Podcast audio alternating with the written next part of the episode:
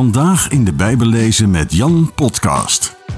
Dus er kwam een soort wisselwerking tussen Rome en die steden. En de mensen waren er ook gebaat bij om die samenwerking in stand te houden. En ja, de christenen die vielen uit de toom. want die wilden niet buigen voor beelden. Die wilden ook geen wierook branden. Die hadden geen priesters. Ehm, en ze wilden ook geen afgodsbeelden vereren. De eerste christenen werden ook wel atheïsten genoemd.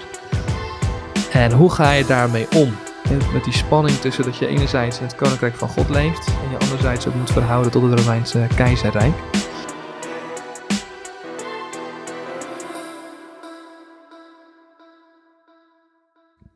Hoi en welkom bij seizoen 2, aflevering 4 van de Bijbellezen met Jan podcast. Hierin zet ik mijn gesprek voort met Bart van Nes. Hij is gastspreker op het Bijbel in één dag seminar van 16 september 2023 in Harderwijk. Daar zal hij twee sessies verzorgen. De eerste gaat over de gelijkenissen van Jezus en de tweede over het Bijbelboek Openbaring. In het interview dat je zo zult horen, maken we vast een mooie start met het bespreken van dit mysterieuze boek in de Bijbel. We hebben het over de sleutels die je nodig hebt om het te openen. Dat is namelijk het interessante aan dit profetische boek.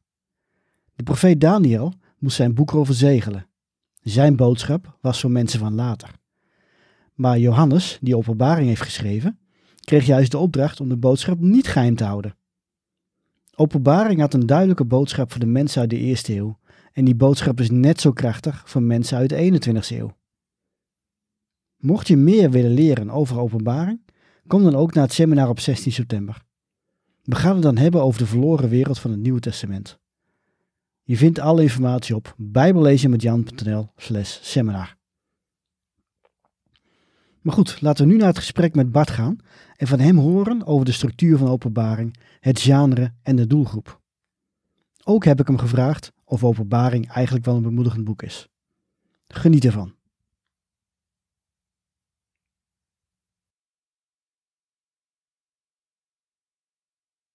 Ja, Bart, welkom terug uh, bij, de, bij de podcast. Ik hoop dat de andere mensen uh, ook de aflevering over de gelijkenissen uh, hebben gehoord. Um, in de aflevering heb je zelf ook voorgesteld en verteld dat je nou ja, voorganger bent. Dat je onder andere werkt voor het Summit Movement Center, waar je trainingen geeft voor sprekers en ook, ook bijbeltrainingen. Um, het boek De Zaaien, de Koning en de Erfgenaam over um, gelijkenissen heb je geschreven in corona.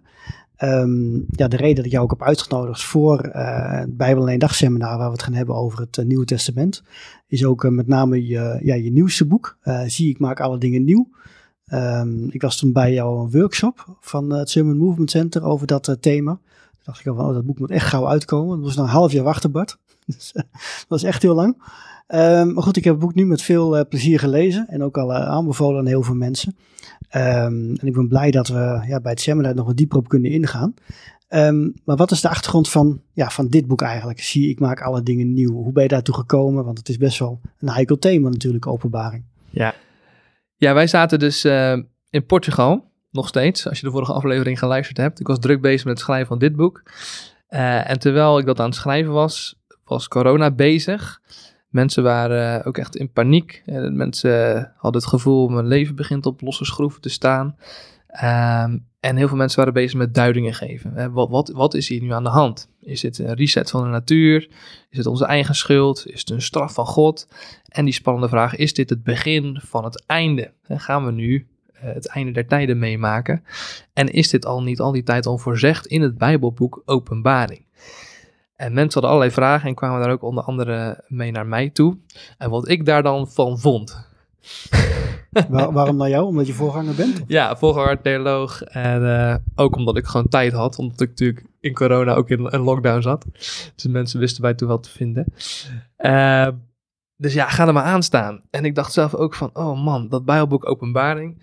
Ik heb vijf jaar theologie gestudeerd. Uh, maar zelfs daarna nog bleef Openbaring ook voor mij echt een gesloten boek, om maar zo te zeggen. En veel symboliek, bizarre beesten, geheimzinnige getallen. En die eerste paar hoofdstukken, dat ging dan nog wel. Dat is, uh, dat is best te doen. Hoofdstuk 1 tot met 3 en dat visioen van de troonzaal, hoofdstuk 4 en 5. Ook heel mooi.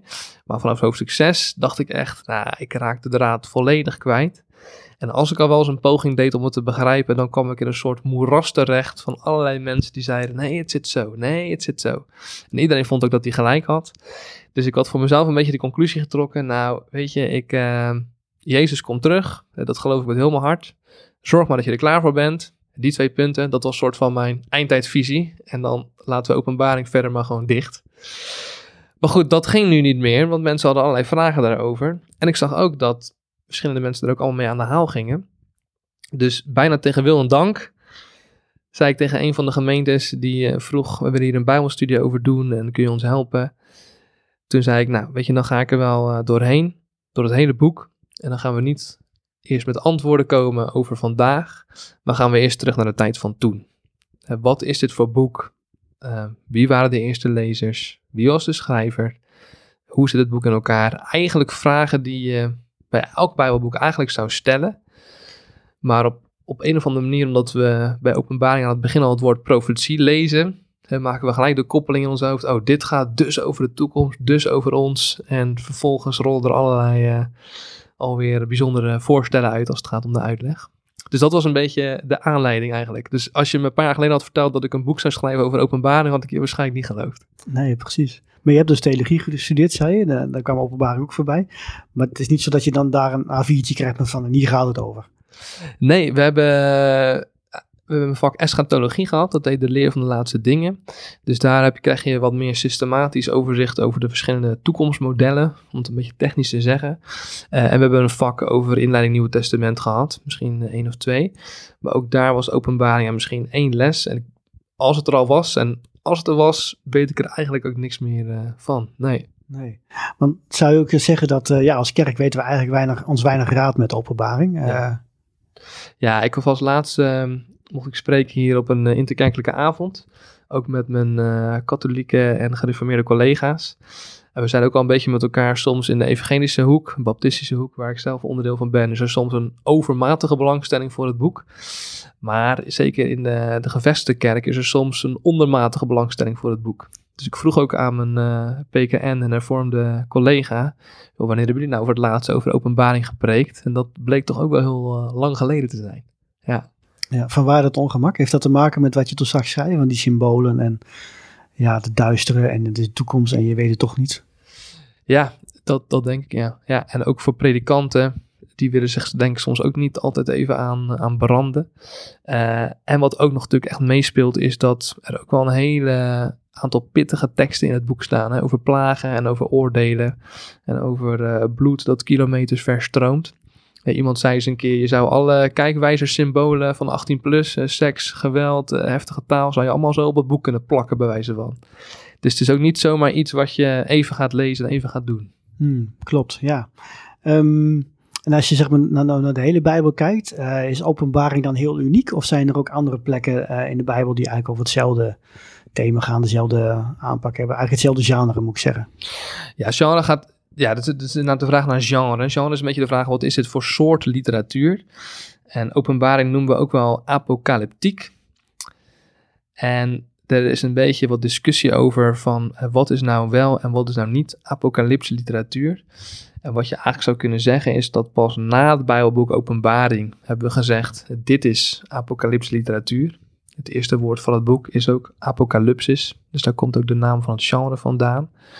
En als we achterom kijken zou je kunnen zeggen, oh ja, de tweede helft van het boek Daniel, sommige stukjes van Jezaja, Ezekiel, Zacharia, daar zitten al wat sporen in, ook van wat we later apocalyptiek zijn gaan noemen. Maar daar is het wel nog in ontwikkeling. Het is een beetje technisch, maar je zou kunnen zeggen, apocalyptiek is eigenlijk een soort specialisatie van de Bijbelse profetie en poëzie. Dus profetie is zeg maar het hoofdgenre of de, de paraplu? Ja. Apocalyptiek is daar een van de pilaren van of zo? Ja. Wat, wat betekent het woord? Ja, apocalyptiek als wij vandaag zeggen apocalyps, dan denken we vaak aan uh, Hollywood-achtige films met het einde van de wereld en uh, catastrofale rampen en dat soort dingen. Maar apocalyps betekent gewoon letterlijk onthulling. Dus het idee dat je een gordijn wegschuift, dat je een standbeeld onthult, uh, dat idee. Jezus zegt bijvoorbeeld zelf in Matthäus 12, is dat geloof ik, daar bidt hij, Vader, ik dank u dat u deze dingen voor wijze en verstandige verborgen hebt gehouden en ze aan eenvoudige hebt geapocalypst, staat daar letterlijk. Hebt onthuld, dus duidelijk hebt gemaakt. Oké, ja. En als Jezaja in Jezaja 6 naar de hemel gaat, dat is ook een onthulling neem ik aan. Is dat een, is dat een apocalyps? Is dat een visioen? Uh... Ja, daar krijgt hij ook inderdaad een, wel een soort bijna gelijkmatige ervaring die ook uh, Johannes heeft.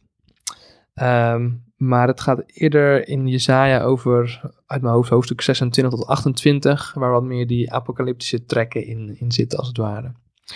Maar wat jij aanhaalt, dat uh, hoofdstuk 6, daar refereert Johannes ook naar. Naar diezelfde symboliek, onder andere in hoofdstuk 4 en 5. Dus het hangt er wel heel dicht uh, tegenaan, ja. Ja, precies.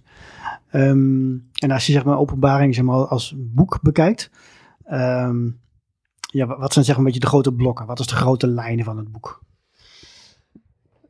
Ja, er zijn eigenlijk heel veel voorstellen gedaan om een soort structuur te ontwarren in het boek Openbaring. En dat is eigenlijk al een van de eerste dingen waar mensen dan uh, op vastlopen.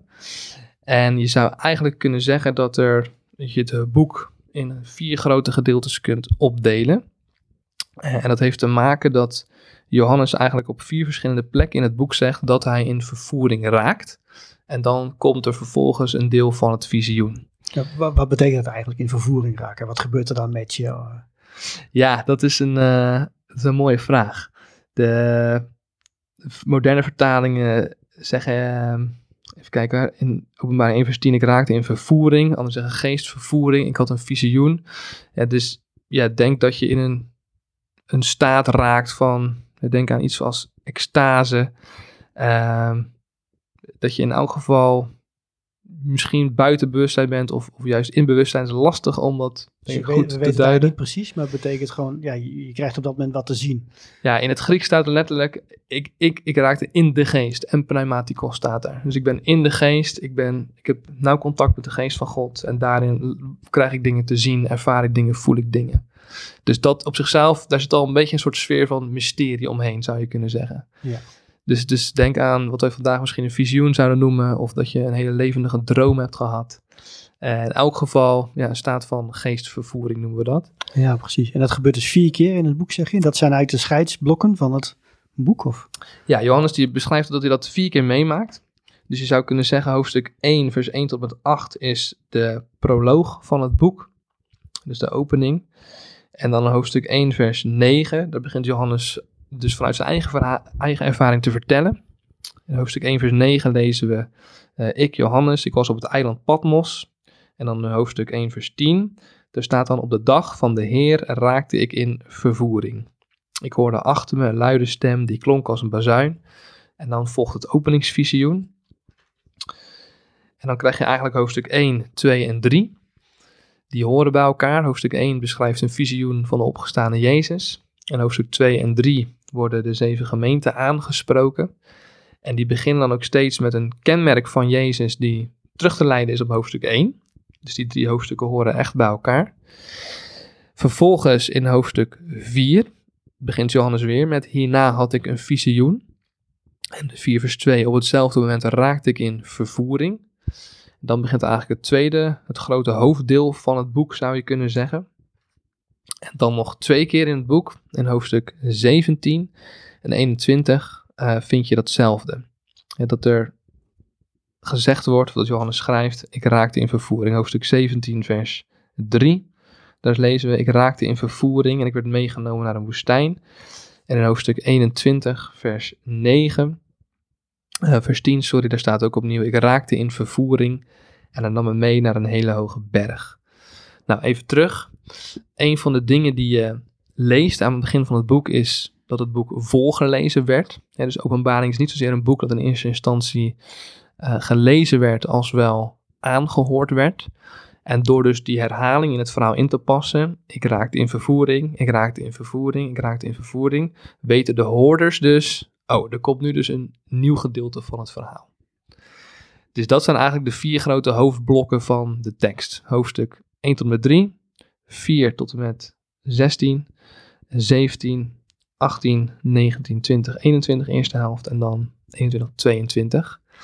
En daarbinnenin kun je weer allerlei subgedeelten aanwijzen als het ware. Um, nou, helder op zich, uh, die structuur, daar kunt u ook nog veel meer over zeggen. Misschien dat we daar op 16 september nog op terugkomen. Maar um, ja, in je boek uh, en in je workshops heb je het ook over ja, de cruciale elementen om eigenlijk ja, dit Bijbelboek eh, te begrijpen. Eh, kun je aangeven welke elementen dat zijn? Nou, over eentje hebben we het net eigenlijk al een beetje gehad. Dat is de vraag naar genre. De vraag wat is het voor soort literatuur. Een van die genres hebben we al genoemd. Openbaring is een apocalyps. Maar er zijn nog twee genres, namelijk die van de profetie. In hoofdstuk 1 vers 3 lezen we dat. De woorden van deze profetie. En het derde genre is het genre van de brief. Openbaring wordt niet een brief genoemd, maar het begint wel heel erg herkenbaar. Als we lezen in hoofdstuk 1 vers 4 van Johannes aan de zeven gemeenten in Azië. Genade zij u en vrede van hem die is, die was en die komt. En waar doet dit je aan denken? De brief van Paulus, die ook vaak zo begint. En het laatste vers van Openbaring is ook herkenbaar. er staat namelijk: De genade van onze Heer Jezus zij met u allen. Dat is ook hoe onder andere Paulus zijn brieven afsluit. Dus het hele Bijbelboek Openbaring wordt dus ook geframed als een brief. En dat is belangrijk, omdat soms wordt nog wel eens gezegd of gedacht, hoofdstuk 2 en 3, dat zijn brieven aan de zeven gemeenten. Maar hoofdstuk 2 en 3 zijn technisch gezien niet brieven. Dat dragen niet de kenmerken van brieven, maar meer van een soort eh, profetische eh, woorden, als het ware, van Jezus richting gemeentes. Maar het feit dat het hele boek Openbaring een brief is, wil dus zeggen dat het enorm belangrijk is om in allereerste instantie af te vragen wie waren dan de eerste lezers. Want wat is belangrijk bij een brief? Een brief is geschreven door een concrete iemand aan concrete mensen in een concrete situatie. Dus het is echt een boek in eerste instantie aan hen geschreven. En voordat we sprongen maken naar vandaag, wat betekent het voor ons, moeten we ons eerst die vraag afvragen: wat betekende het voor hen? Oké. Ja, dat roept gelijk bij mij de vraag op. Eh, eh, er zijn veel mensen die zeggen van ja, mensen van toen die konden openbaring eigenlijk niet begrijpen. Ja, dat zijn heel veel dingen die, die gaan over nu. Dus eigenlijk begrepen die mensen dat toen helemaal niet. Maar jij zegt eigenlijk het is andersom. Ja, ja en sterker nog, ook in hoofdstuk 22 vind je daar ook een belangrijke aanwijzing voor. In hoofdstuk 22, vers 10 krijgt Johannes de oproep van de engel: Houd de profetie van dit boek niet geheim, want de tijd is nabij. In de oude vertaling staat: Verzegel de woorden van deze profetie niet. En dat is een directe parallel met het einde van het boek Daniel. Daniel moest de woorden van zijn profetie wel verzegelen. Waarom? Omdat die woorden pas relevant zouden worden voor de toekomst. Het feit dat Johannes het boek niet moet verzegelen, het betekent dat de woorden dus direct relevant zijn voor de eerste lezers. En verzegelen betekent iets als van doe er een slot op, net zoals je met een dagboekje doet tegenwoordig? Of? Ja. ja, een slot op, geheim houden, staat hier dan in de MBV-vertaling. Ehm, en dat moet Johannes dus niet doen. Dat, moet Johannes niet, doen. Nee, nee, Dus voor de eerste lezer was het niet een gesloten boek. Het was dus echt een open boek. Dus het idee dat Johannes soort van over de hoofden heen van zijn eerste lezers allerlei dingen staat te roepen naar ons in onze tijd, want wij zijn de laatste generatie, ja, dat klopt dus echt niet. Nee. Het boek was voor hen te lezen, te begrijpen. Ehm, en dat was ook nodig, want zij worden ook opgeroepen om zich te houden aan de inhoud, hoofdstuk 1, vers 3. Hmm. Je kan je niet houden aan iets wat je totaal niet kan begrijpen. Nee. Um, en omdat zij in die tijd leefden, ook dichter bij Jezus waren. In af, qua afstand geografisch, maar ook qua tijd vooral. Ja. Um, begrepen ze het dan ook beter dan wij, denk je? Ja, zeker als het gaat om de cultureel en historische achtergrond. En daar gaan we in het seminar uitgebreid over hebben.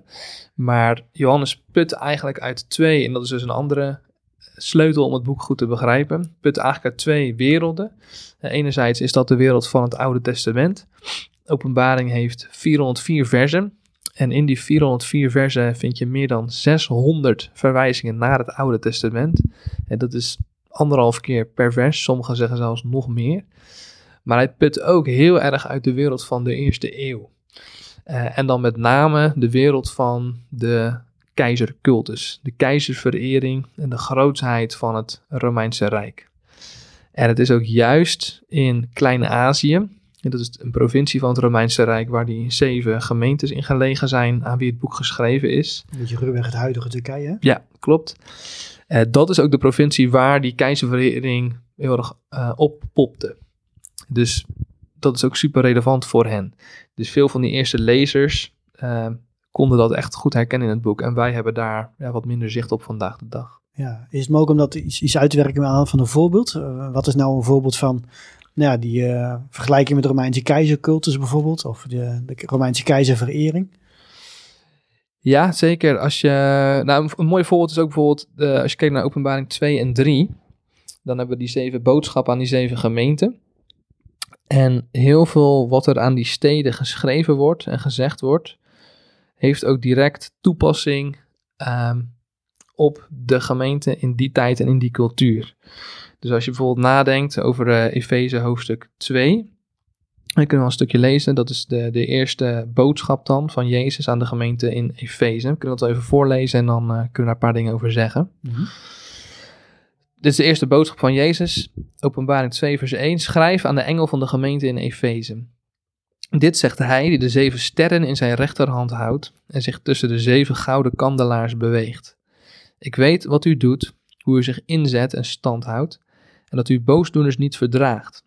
Zo hebt u mensen die beweren dat ze apostelen zijn, op de proef gesteld en als leugenaars ontmaskerd. U bent standvastig en hebt veel verdragen omwille van mijn naam zonder te verslappen. Maar dit heb ik tegen u. U hebt de liefde van weleer opgegeven. Bedenk van welke hoogte u gevallen bent. Kom tot inkeer en doe weer als vroeger. Anders kom ik naar u toe en neem ik, als u geen berouw toont, uw kandelaar van zijn plaats. Het pleit echter voor u dat u, net als ik, de praktijken van de Nicolaïten verafschuwt. Wie oren heeft, moet horen wat de geest tegen de gemeente zegt. Wie overwint, zal ik laten eten van de levensboom die in Gods paradijs staat. Nou, al die boodschappen van Jezus aan de zeven gemeenten, die beginnen met een omschrijving van wie Jezus is. In dit geval is dat, dit zegt hij, die de zeven sterren in zijn rechterhand houdt en zich tussen de zeven gouden kandelaars beweegt. Het gaat dus over Jezus. Dit gaat over Jezus. En al die omschrijvingen, waar steeds die boodschappen mee beginnen, zijn ook bijna allemaal terug te voeren op hoofdstuk 1. Waar Johannes de opgestane Jezus ziet. Nou, dat beeld van die zeven sterren, onder andere, dat was ook herkenbaar voor de eerste lezers. Want wat deden de Romeinse keizers onder andere om hun populariteit, hun macht tentoon te spreiden? Uh, lieten ze munten van zichzelf afdrukken met hun beeldenis daarop, met hun hoofd. Dat was bekend. Maar wat ze soms ook deden, was op de andere kant van die munt laten zien hoe groot hun macht was. Uh, en een van die munten uit die tijd vind je ook uh, een, een, kind van een van de keizers, die speelt ook met de sterren. En die zit dan op de aardbol. Waarmee werd laten zien, uh, mijn macht strekt zich uit, niet alleen over Rome, niet alleen over het Rijk, maar zelfs tot voorbij de sterren. Zo groot is mijn macht. En het feit dat Jezus hier degene is die de sterren in zijn rechterhand houdt, laat dus zien dat Jezus juist de ware machthebber is over hemel en aarde. Dus daar zit al een bepaald soort polemiek in, zou je als het ware kunnen zeggen, tegen het verhaal van het Romeinse keizerrijk. En hetzelfde vind je aan het einde van die boodschap. Want al die boodschappen eindigen met een oproep om te horen. Wie oren heeft moet horen wat de geest zegt. En vervolgens ook een belofte. En het mooie is dat al die beloftes die Jezus daar geeft, zijn ook heel concreet van toepassing op de gemeente in die situatie. Het is in dit geval bij de Efeziërs is de, de belofte, wie overwint zal ik laten eten van de levensboom die in Gods paradijs staat. Nou, in Efeze is het zo dat met name Artemis werd daar, uh, de Griekse godin werd daar vereerd. In de handelingen lees je daar ook dat beroemde verhaal over dat uh, al die mensen dan uh, in een volksoploop bij elkaar komen, in de arena gaan zitten en dan allemaal roepen, groot is de Artemis van Efeze. Het zendingsverhaal van Paulus. maar zij werd vereerd daar in een grote tempel. Maar naast die tempel was ook een tuin die het paradijs werd genoemd. Daar werd zij vereerd. Wow, ja. Dus die eerste lezers, die kennen dat. En wat is de belofte die Jezus hier geeft? Dat is misschien een leuk, aardig paradijsje, wat ze daar hadden. Maar als jullie overwinnen, zal ik je laten eten van de levensboom die in Gods paradijs staat. Oké, okay, dus dat verwijst eigenlijk naar, die, naar het paradijsje in uh, Efeze. Maar wij christenen horen natuurlijk gelijk van ja, Genesis 1, of, ja. niet, of niet? Zeker, dus het werkt allebei door. Hè. Dus enerzijds trekt het het luikje open naar het Oude Testament. Maar zeker ook voor de lezers die misschien iets minder thuis zijn in het Oude Testament of vanuit het Heidendom uh, zich bekeren tot het, tot het christendom. Uh, die hoorden ook zeker daar die uh, Griekse-Romeinse noties hoorden die daar ook in. Ja. Geniaal, ja. Je had het over de zeven sterren. Had je het ook al gehad over de zeven kandelaar? Over die, eh, Nee, zeven kandelaren nog niet over gehad. Dat begint in hoofdstuk eh 1. En daar lezen we over Jezus dat hij... ehm, Oh, ik dacht dat ook bij de Efeze ging. Dat het, eh, nee, dat is in hoofdstuk 1 vers 12 gaat het over de zeven gouden kandelaars. En die worden dan ook eh, in hoofdstuk 20 worden die uitgelegd. hè. De zeven kandelaars zijn een beeld van de zeven gemeenten. En, oh ja, sorry, je hebt gelijk. In hoofdstuk 2 vers 1, en daar lezen we ook dat Jezus zich beweegt tussen de zeven gouden kandelaars. oh ja, precies. Ja. En dat roept het beeld op dat Jezus dus heel intiem betrokken is eh, bij zijn gemeente. Hij eh, staat ertussen in hoofdstuk 1, hè, dat is al heel bijzonder. En hoofdstuk 2 staat er, hij beweegt zich ertussen. Dus hij doet ronde als het ware om te kijken hoe al zijn gemeentes ervoor staan. Ja. Ja, wauw. Ehm, en er zit dus ook een hele duidelijke oproep in, hè? Van eh, een hele persoonlijke boodschap. Van ja, eh, kijk een keer terug naar je eerste liefde, zegt hij eigenlijk. Ja, klopt. En het is ook wel een mooi voorbeeld van, als het gaat over het genre profetie. En wij denken bij profetie vaak aan toekomstvoorspelling. Dit gaat er gebeuren, er wordt een soort script uitgerold. En wij als soort passieve marionetten moeten dat script dan maar uitzitten.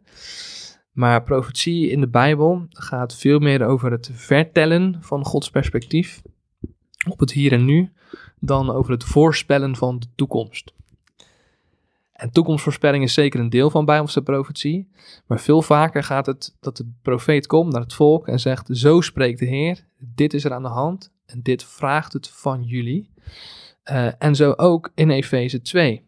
En Jezus zegt in vers 5: Bedenk van welke hoogte u bent gevallen, kom tot inkeer en doe weer als vroeger. Drie dingen die ze moeten doen.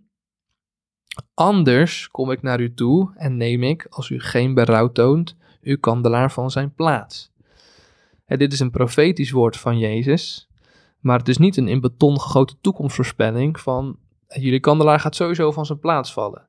Nee, het is juist, dit moeten jullie doen zodat het niet gebeurt. Dus de rol van de ontvanger, in dit geval de gemeente, wordt niet uitgesloten, maar wordt juist ingeschakeld, wordt een actief beroep op hen gedaan. Jongens, let op, want als je dit doet, dan blijft je kandelaar juist op zijn plek. Ja, precies. Ik ben ook altijd benieuwd eh, van oké, wat is er dan gebeurd in Efeze? Hebben ze het uiteindelijk gedaan of niet? Eh, kun je daar iets over zeggen? Weet je dat toevallig? Ja, er is een. eh, ik heb vorig jaar met twee vrienden van mij hebben wij de Apostolische Vaders gelezen. Dat zijn eigenlijk de eerste documenten die we hebben na het Nieuwe Testament. Dus dat geeft ons een, eh, een eerste kijkje ook in het eh, vroege christendom. Heel interessant om eh, te lezen. Daarin vind je onder andere bijvoorbeeld de herder van Hermas. Dat is ook een apocalyptisch werk. Maar een van de dingen die je daar ook in vindt zijn uit mijn hoofd de brieven van Ignatius. Ehm, of Polycarpus, ik weet het even niet zeker uit mijn hoofd. Maar in elk geval het verhaal is van een van de bisschoppenleiders van die tijd. Die gaat dan onderweg naar Rome om daar bijna vrijwillig zich te laten eh, als martelaar daar te sterven. En dat is al heel indringend. En dan onderweg schrijft hij allerlei brieven aan verschillende gemeentes, ook waar hij contacten mee heeft of waar hij eh, dus langskomt. En een van die gemeentes is ook eh, de gemeente van Efeze. En dan bevult hij hen ook als het ware aan, echt om, om die liefde en eenheid op te pakken. Dus hij is er nog geweest? Hij is daar nog geweest, ja. Ja. Ja, dus dat is eh, interessant dat dat dan weer, eh, weer terugkomt. En even een eh, uitstapje naar eh, de mensen die luisteren. Als je hier meer over wil weten. Je hebt een eh nieuw-testamenticus, die heet David de Silva. Dat is ook een expert in openbaring. En hij heeft een heel mooie fictieve mini-roman geschreven. Dat heet A Week in the Life of Ephesus. Waarin hij eigenlijk een soort van de historische situatie van de stad Efeze schildert eh, aan de hand van een paar karakters fictief die ten tijde eh, hadden kunnen leven. eh, terwijl Johannes openbaring schreef. En dan schetst hij ook een beeld van hoe de gemeente in die tijd had kunnen zijn. En ook hoe die problemen als het ware hadden kunnen ontstaan. Over de, ja, de liefdeloosheid. Dat schetst een heel mooi beeld. En het is historisch. Hij, allerlei feiten, artefacten uit die tijd verweeft hij daar ook in. Dus het is een hele ja, leuke manier om ook op die manier eh, eh, de Bijbelse wereld goed te leren kennen. Ik kan het echt enorm aanraden. Ja, boeiend. Ja, want eh, het gaat te ver om dat te bespreken tijdens deze podcast. Maar je hebt dan ook handelingen, uh, waarin Ja. Efeze, we- de kerk in Efeze wordt gesticht. En dan heb je de brief van Efeze natuurlijk. En dan later komt een openbaring weer terug. En dan nee, heb je zo'n geschiedkundig document. Ja, Timotheus moest in Efeze blijven. Dus Efeze, als je, daar als je blijven, erover nadenkt, is het een hele belangrijke stad ook in het verhaal van het Nieuwe Testament. Ja, ja. precies. Ik ben er zelf ook geweest op mijn huwelijksreis. Zijn we op bezoek gebracht aan Efeze. Dat was echt, eh, echt magnifiek. Die stad bestaat niet meer, toch? Tenminste alleen ruïnes? Of is het... eh, ja, alleen ruïnes, maar het is dusdanig groot dat onze eh, tourguide die zei: Dit is het grootste openluchtmuseum ter wereld. En in die tijd was het dus ook een stad van meer dan 200.000 man. Dus ik weet niet welk beeld jij hebt bij steden in de Bijbel, maar ik dacht altijd toch een beetje van die kleine dorpjes, nederzettingen. Maar het waren toen dus echt al gigantische metropolen met een heel geavanceerd watersysteem, grote bibliotheek waar mensen van heine en verre naartoe kwamen. Eh, dus dat was echt, dat was heel groot al in die tijd. Ja. Toch las ik onlangs ergens dat Rom- Rome waarschijnlijk de eerste miljoenenstad was. Ja, dus, eh, dus Rome was inderdaad eh bij far de grootste. En Efeze, die kwam daar al vrij snel eh, achteraan als de tweede of derde grootste stad. Ja, Jongen, ja. Ehm, ja, je noemde het, het is eigenlijk is openbaar dus één brief, hè? geen verzameling van brieven, maar het is Ja. één lange brief.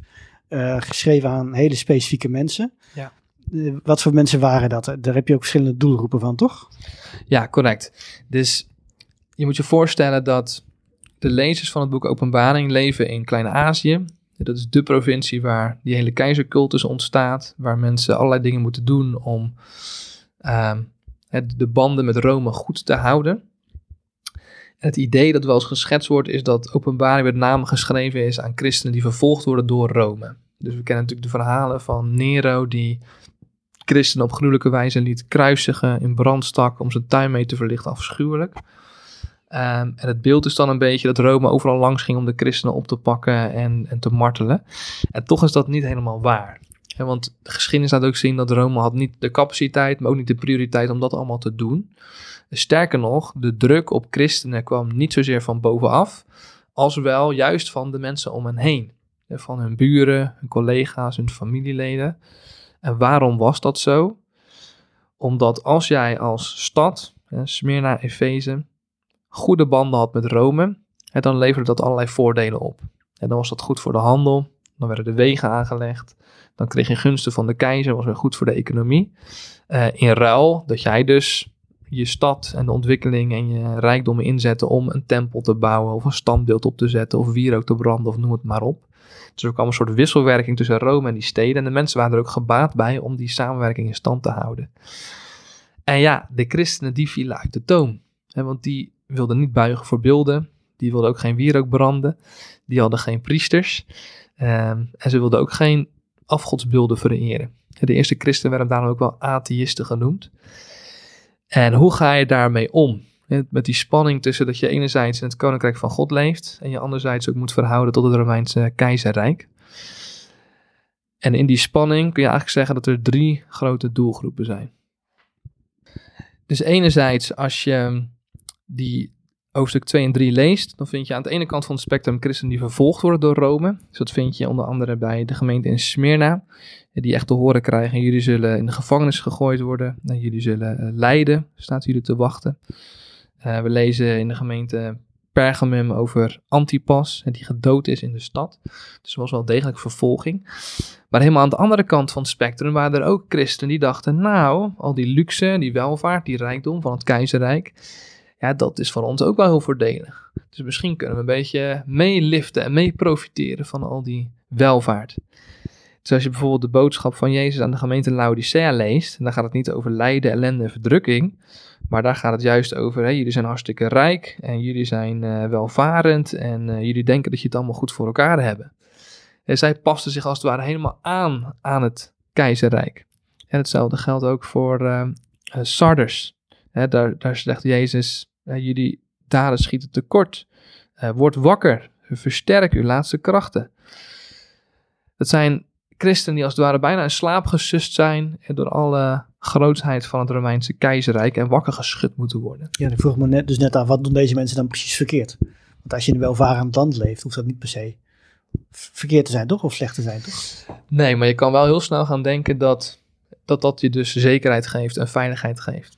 En net zoals in de coronapandemie werden al onze zekerheden of even opgeschud. We gaan er bijna als vanzelfsprekend van uit dat we ons leven in de hand hebben, onder controle hebben. En dat was voor die christenen ook zo. die, die dachten, nou, we passen ons maar een beetje aan. Dan uh, dat is goed voor de, voor de banden, voor de economie. Misschien moeten we een keer wierook branden. Uh, misschien moeten we het niet te nauw nemen met dat offervlees. Dus het enerzijds uh, maakt ze compromissen met hun christelijke beleidenis. En anderzijds is er ook een soort gemakzucht die er dan, uh, dan insluipt en die, die wakker geschud moet worden. Ja, dus het gaat over voor de christenen, over, noemen deze mensen lauwe christenen? Die welvarende christenen zou je kunnen zeggen. Ja. ja. En we hebben nog een hele grote groep uh, zwevende kiezers in het midden. Zwevende kiezers, oké. Ja, dus die een beetje in die, uh, dat verhaal van, ah, ik sta met één voet in de kerk, één voet in het koninkrijk. kerken die eigenlijk conflicten hebben intern over leiderschap, over apostelen. Het gaat dan over uh, Nicolaïten die de gemeente binnenkomen. Over de leer van Biliam en over een profetes die Izebel als bijnaam krijgt. Dus dat verwijst ook naar grote karakters het Oude Testament. En waar het om gaat bij deze gemeente is dat het vooral gaat over die vraag: wat kan wel en wat kan niet? En in hoeverre kan ik compromissen sluiten met de cultuur? Uh, en wat vraagt het van mij om trouw te zijn aan Jezus. En een van de voorbeelden is bijvoorbeeld het eten van offervlees. daarvan zegt Johannes, dat moet je niet doen. Wat de vraag oproept, ja, maar waarom dan?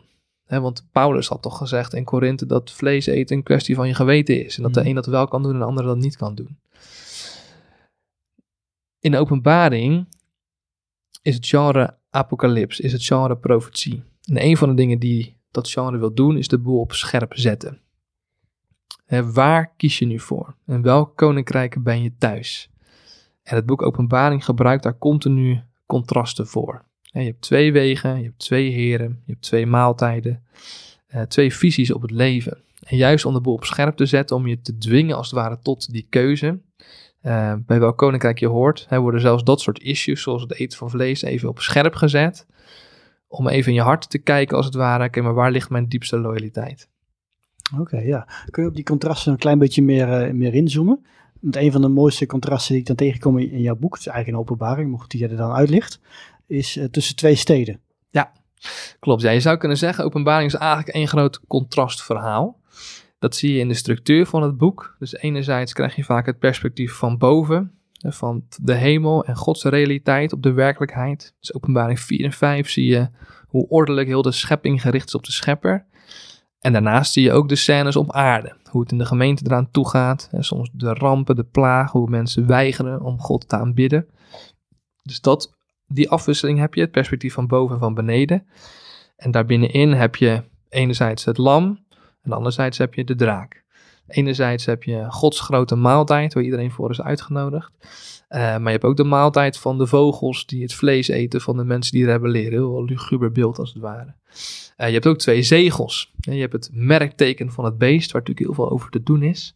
Mensen heel interessant vinden. Maar er zijn twee merktekenen in openbaring. Want ook de volgelingen van het lam dragen een zegel. Efeze 1 vers 13 zegt dat wij verzegeld zijn met het zegel van de Heilige Geest. Dus het boek pendelt heel tijd heen en weer tussen die twee alternatieven. En dat eindigt uiteindelijk in een soort grote climax van inderdaad twee steden. In openbaring 17 en 18 zien we de stad Babylon. Uh, en dat is ook waar, waar Johannes dus weer begint met: Ik raakte in vervoering, ik werd meegenomen naar een woestijn en ik zag een grote hoer zitten. En vervolgens hoofdstuk 21, Johannes zegt weer: Ik raakte in vervoering. Hij nam me mee niet naar de woestijn, maar naar een grote berg. En ik zag de bruid, het hemelse Jeruzalem, neerdalen. Dus we zien Babylon verdwijnen en we zien Jeruzalem verschijnen. Dus Babylon is een stad, maar die wordt ook weergegeven als een prostituee. Ja. Jeruzalem is een stad en die wordt weergegeven als een bruid. Ja. Uh, Babylon bestond denk ik toen al niet meer, of wel? Waarom ziet hij dan juist Babylon? Ja, dat is een goede vraag. De, uh, Babylon is daar eigenlijk een soort symboolnaam voor de stad Rome. Rome weer. Ja, dus de eerste lezers die herkennen in de omschrijving van die stad uh, de stad Rome, onder andere omdat het gaat over een stad die gezeten is op zeven heuvels. Nou, iedereen die tijd wist, er is maar één stad die op zeven heuvels ligt, als Rome. Het is een stad die heerst over uh, de vorsten van de aarde, was ook alleen maar Rome. En ook aan het einde van de Petrusbrief vind je een hele interessante opmerking. Daar staat, de uitverkorenen uit Babylon laten u groeten. Dus zelfs daar vind je al het idee, oh ja, Rome en Babylon, dus een soort synoniem voor elkaar. Ehm, Een en soort, soort codewoord, hè? Want hij wil niet ontdekt worden, eh, Petrus, denk ik dan. Dat hij dat daarom... eh, Ja, en tegelijkertijd bij openbaring, het is ook wel zo duidelijk voor die eerste lezers dat iedereen dat wel door had dat dat wel degelijk over eh, Rome ging. En tegelijkertijd zitten er ook wel trekken in van de andere grote onderdrukkende rijken uit de Bijbel, zoals het Egypte van de farao's, Assyrië, Nineveh. En dat is ook weer het mooie van dat hele symbolische.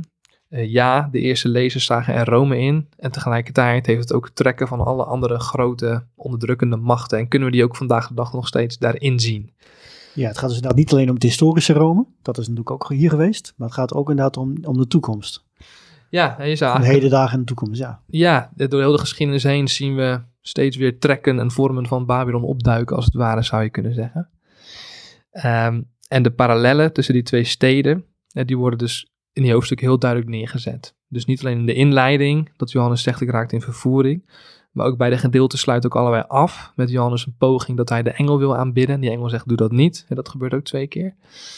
Maar ook bijvoorbeeld dat in openbaring 17 hè, deze vrouw behangen is met, met goud en sieraden en purper en edelstenen. Als een soort beeld van genotzucht, heel opgedirkt. Ja, dan heb je over de vrouw die Babylon is. De vrouw die Babylon is. En het Nieuwe Jeruzalem, daar vinden we dat de straten van goud zijn, dat de poorten van parelen zijn en de grondstenen bezet zijn met edelstenen. Hmm. Over Babylon lees je dat het licht nooit meer uit zal gaan, eh, of voor altijd uit zal gaan in die stad, over Babylon. En in het Nieuw Jeruzalem lees je dat het licht nooit meer uit zal gaan. Dus zowel qua literaire afbakening, zowel qua karakter, zowel qua inhoud, worden die twee steden dus echt recht tegenover elkaar gezet. En is het grote appel dus van de, voor de lezer van het boek, ja, welke stad is jouw thuis? Ja, waar is jouw eindbestemming?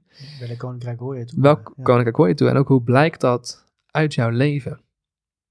En want tot aan het einde toe van het boek klinkt de uitnodiging, jongens, kom, kom, drink van het water dat leven is. Klinkt de oproep aan de lezers, ga weg uit die stad, Babylon.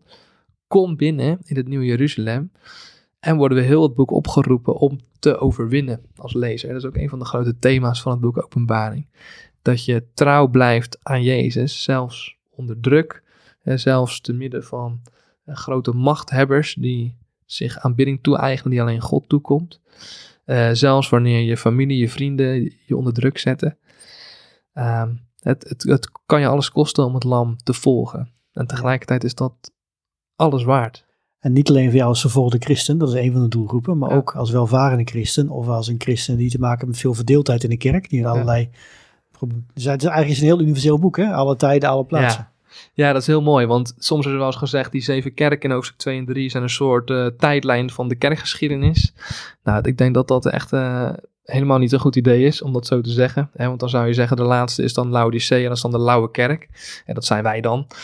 Maar goed, dat geldt misschien voor een klein deel van West-Europa. Maar als je nu kijkt wat er aan de andere kant van de wereld gebeurt, hè, daar groeit de kerk als, als nooit tevoren, zou je kunnen zeggen. En daar is heel veel vervolging ook. Ja. En dus ook vervolging. Ja, dus misschien soms past dat een klein beetje dat, dat idee van die zeven tijdsvakken. Maar het idee van die drie doelgroepen, eh, dat laat inderdaad wel zien de universiteit, universi- universele kerk. Ehm, want ja, op plekken in de wereld wordt de kerk vervolgd. Op plekken in de wereld is er heel veel welvaart. Ik denk dat dat het meest bij ons past. En ook christen van alle tijden hebben soms ook op de wip gezeten. En hoe ver ga ik in mijn navolging van Jezus? Dus in die zin is het boek Openbaring ook een heel praktisch en pastoraal boek. Dat zou je in eerste instantie misschien niet gelijk denken. Maar het is echt een boek dat je op het scherpst van de snede uitdaagt om, om Jezus na te volgen. ja, want is het dan ook een bemoedigend boek? Het is zeker een bemoedigend boek, ja. Eh, ik heb het boek ook genoemd, Zie, ik maak, het boek wat ik erover geschreven heb. eh, zie, ik maak alle dingen nieuw. Omdat vaak hebben we het idee bij openbaringen, het gaat van kwaad tot erger. Eh, de beweging van het boek is van grote ramp naar nog meer rampen. Maar de boodschap van het boek is niet een boek, een, een, een boodschap om bang van te worden. Maar het is echt een diepst een hoopvol boek. Omdat God zegt, ik maak alle dingen nieuw. Het perspectief van het Nieuw Jeruzalem mag je ontspanning geven. Enerzijds omdat je weet welke eindbestemming op je wacht. Mag je ook een hoop geven omdat je weet, te midden van alle duisternis en ellende die ik soms zie, God gaat alle dingen nieuw maken. Eh, en het is ook, laat ook zien dat God is de schepper. Hij is de vernieuwer, hij is niet de vernietiger. Eh, De vernietigers van de aarde, die worden juist vernietigd in het boek. Maar God, God is niet de vernietiger, God is de schepper. En aan het begin van het boek Openbaring spreekt God in hoofdstuk 1. Hoofdstuk 1 vers 8 lezen we dat God zegt, ik ben de Alpha en de Omega. Ik ben het die is, die was en komt, de Almachtige. En dan twintig hoofdstukken lang gebeurt er van alles. En dan is God zeker aanwezig, maar hij spreekt niet direct. En pas de eerste keer dat God direct spreekt, is in hoofdstuk 21. Daar lezen we weer vers 5. Hij die op de troon zat, zei, alles maak ik nieuw. Dus dat is het hart van God. Ja, dat hij de dingen nieuw maakt. En dat is een enorm bemoedigende, hoopvolle boodschap. Ja, ja, dat brengt je gelijk weer terug naar Genesis 1 vers 1. Ja. Ja, dus het maakt het boek heel mooi rond inderdaad. eh. Absoluut. ja. Ehm, 16 september gaan we hier over door. Dan heb je een, eh, daar ook een sessie over. Ja. Eh, wat wil je dan gaan delen? Hoe ziet dat er een beetje uit? Ja, we gaan dan, we hebben net eventjes kort gekeken naar openbaring 2. En er twee elementen uit de stad Efeze ook over hoe dat raakt aan de Grieks-Romeinse wereld uit die tijd. En die dag gaan we eigenlijk nog veel meer kijken naar eh, wat, hoe, hoe, hoe verhoudt eh, zowel het Oude Testament als de wereld van de eerste eeuw zich nu tot het boek Openbaring. En hoe helpt ons dat om het boek beter te lezen, beter te begrijpen en uiteindelijk ook beter toe te passen. En als we dat in beeld hebben, en dan kunnen we ook wel wat sprongetjes naar vandaag de dag maken, waar mensen natuurlijk vaak op zitten te wachten. En dat kunnen we die dag zeker ook nog even gaan doen. Ja, precies. Want dat voert te ver om dat nu allemaal te gaan doen. Maar inderdaad, eh, ja, die brug slaan van, van hier en nu naar toen en weer terug. Ja, dat is inderdaad ook eh, heel mooi en heel behulpzaam, denk ik, voor mensen als ze de Bijbel eh, beter willen leren lezen, en begrijpen en geloven. Ehm, nou, Bart, ik kijk er naar uit. Heel erg bedankt voor deze toelichting. En ik zie je 16 september. Graag gedaan en tot dan. Tot zover het gesprek met Bart. Wil je meer horen over openbaring? Overweeg dan te komen naar het seminar op 16 september. We gaan het ook hebben over het evangelie van Matthäus, over de gelijkenissen van Jezus en over de centrale rol van het kruis in de Bijbel. Bovendien doen we een workshop Hoe schrijf je een Bijbelse brief. Je vindt alle informatie over dit seminar op bijbellezenmetjan.nl slash seminar. Ik wens je veel zegen.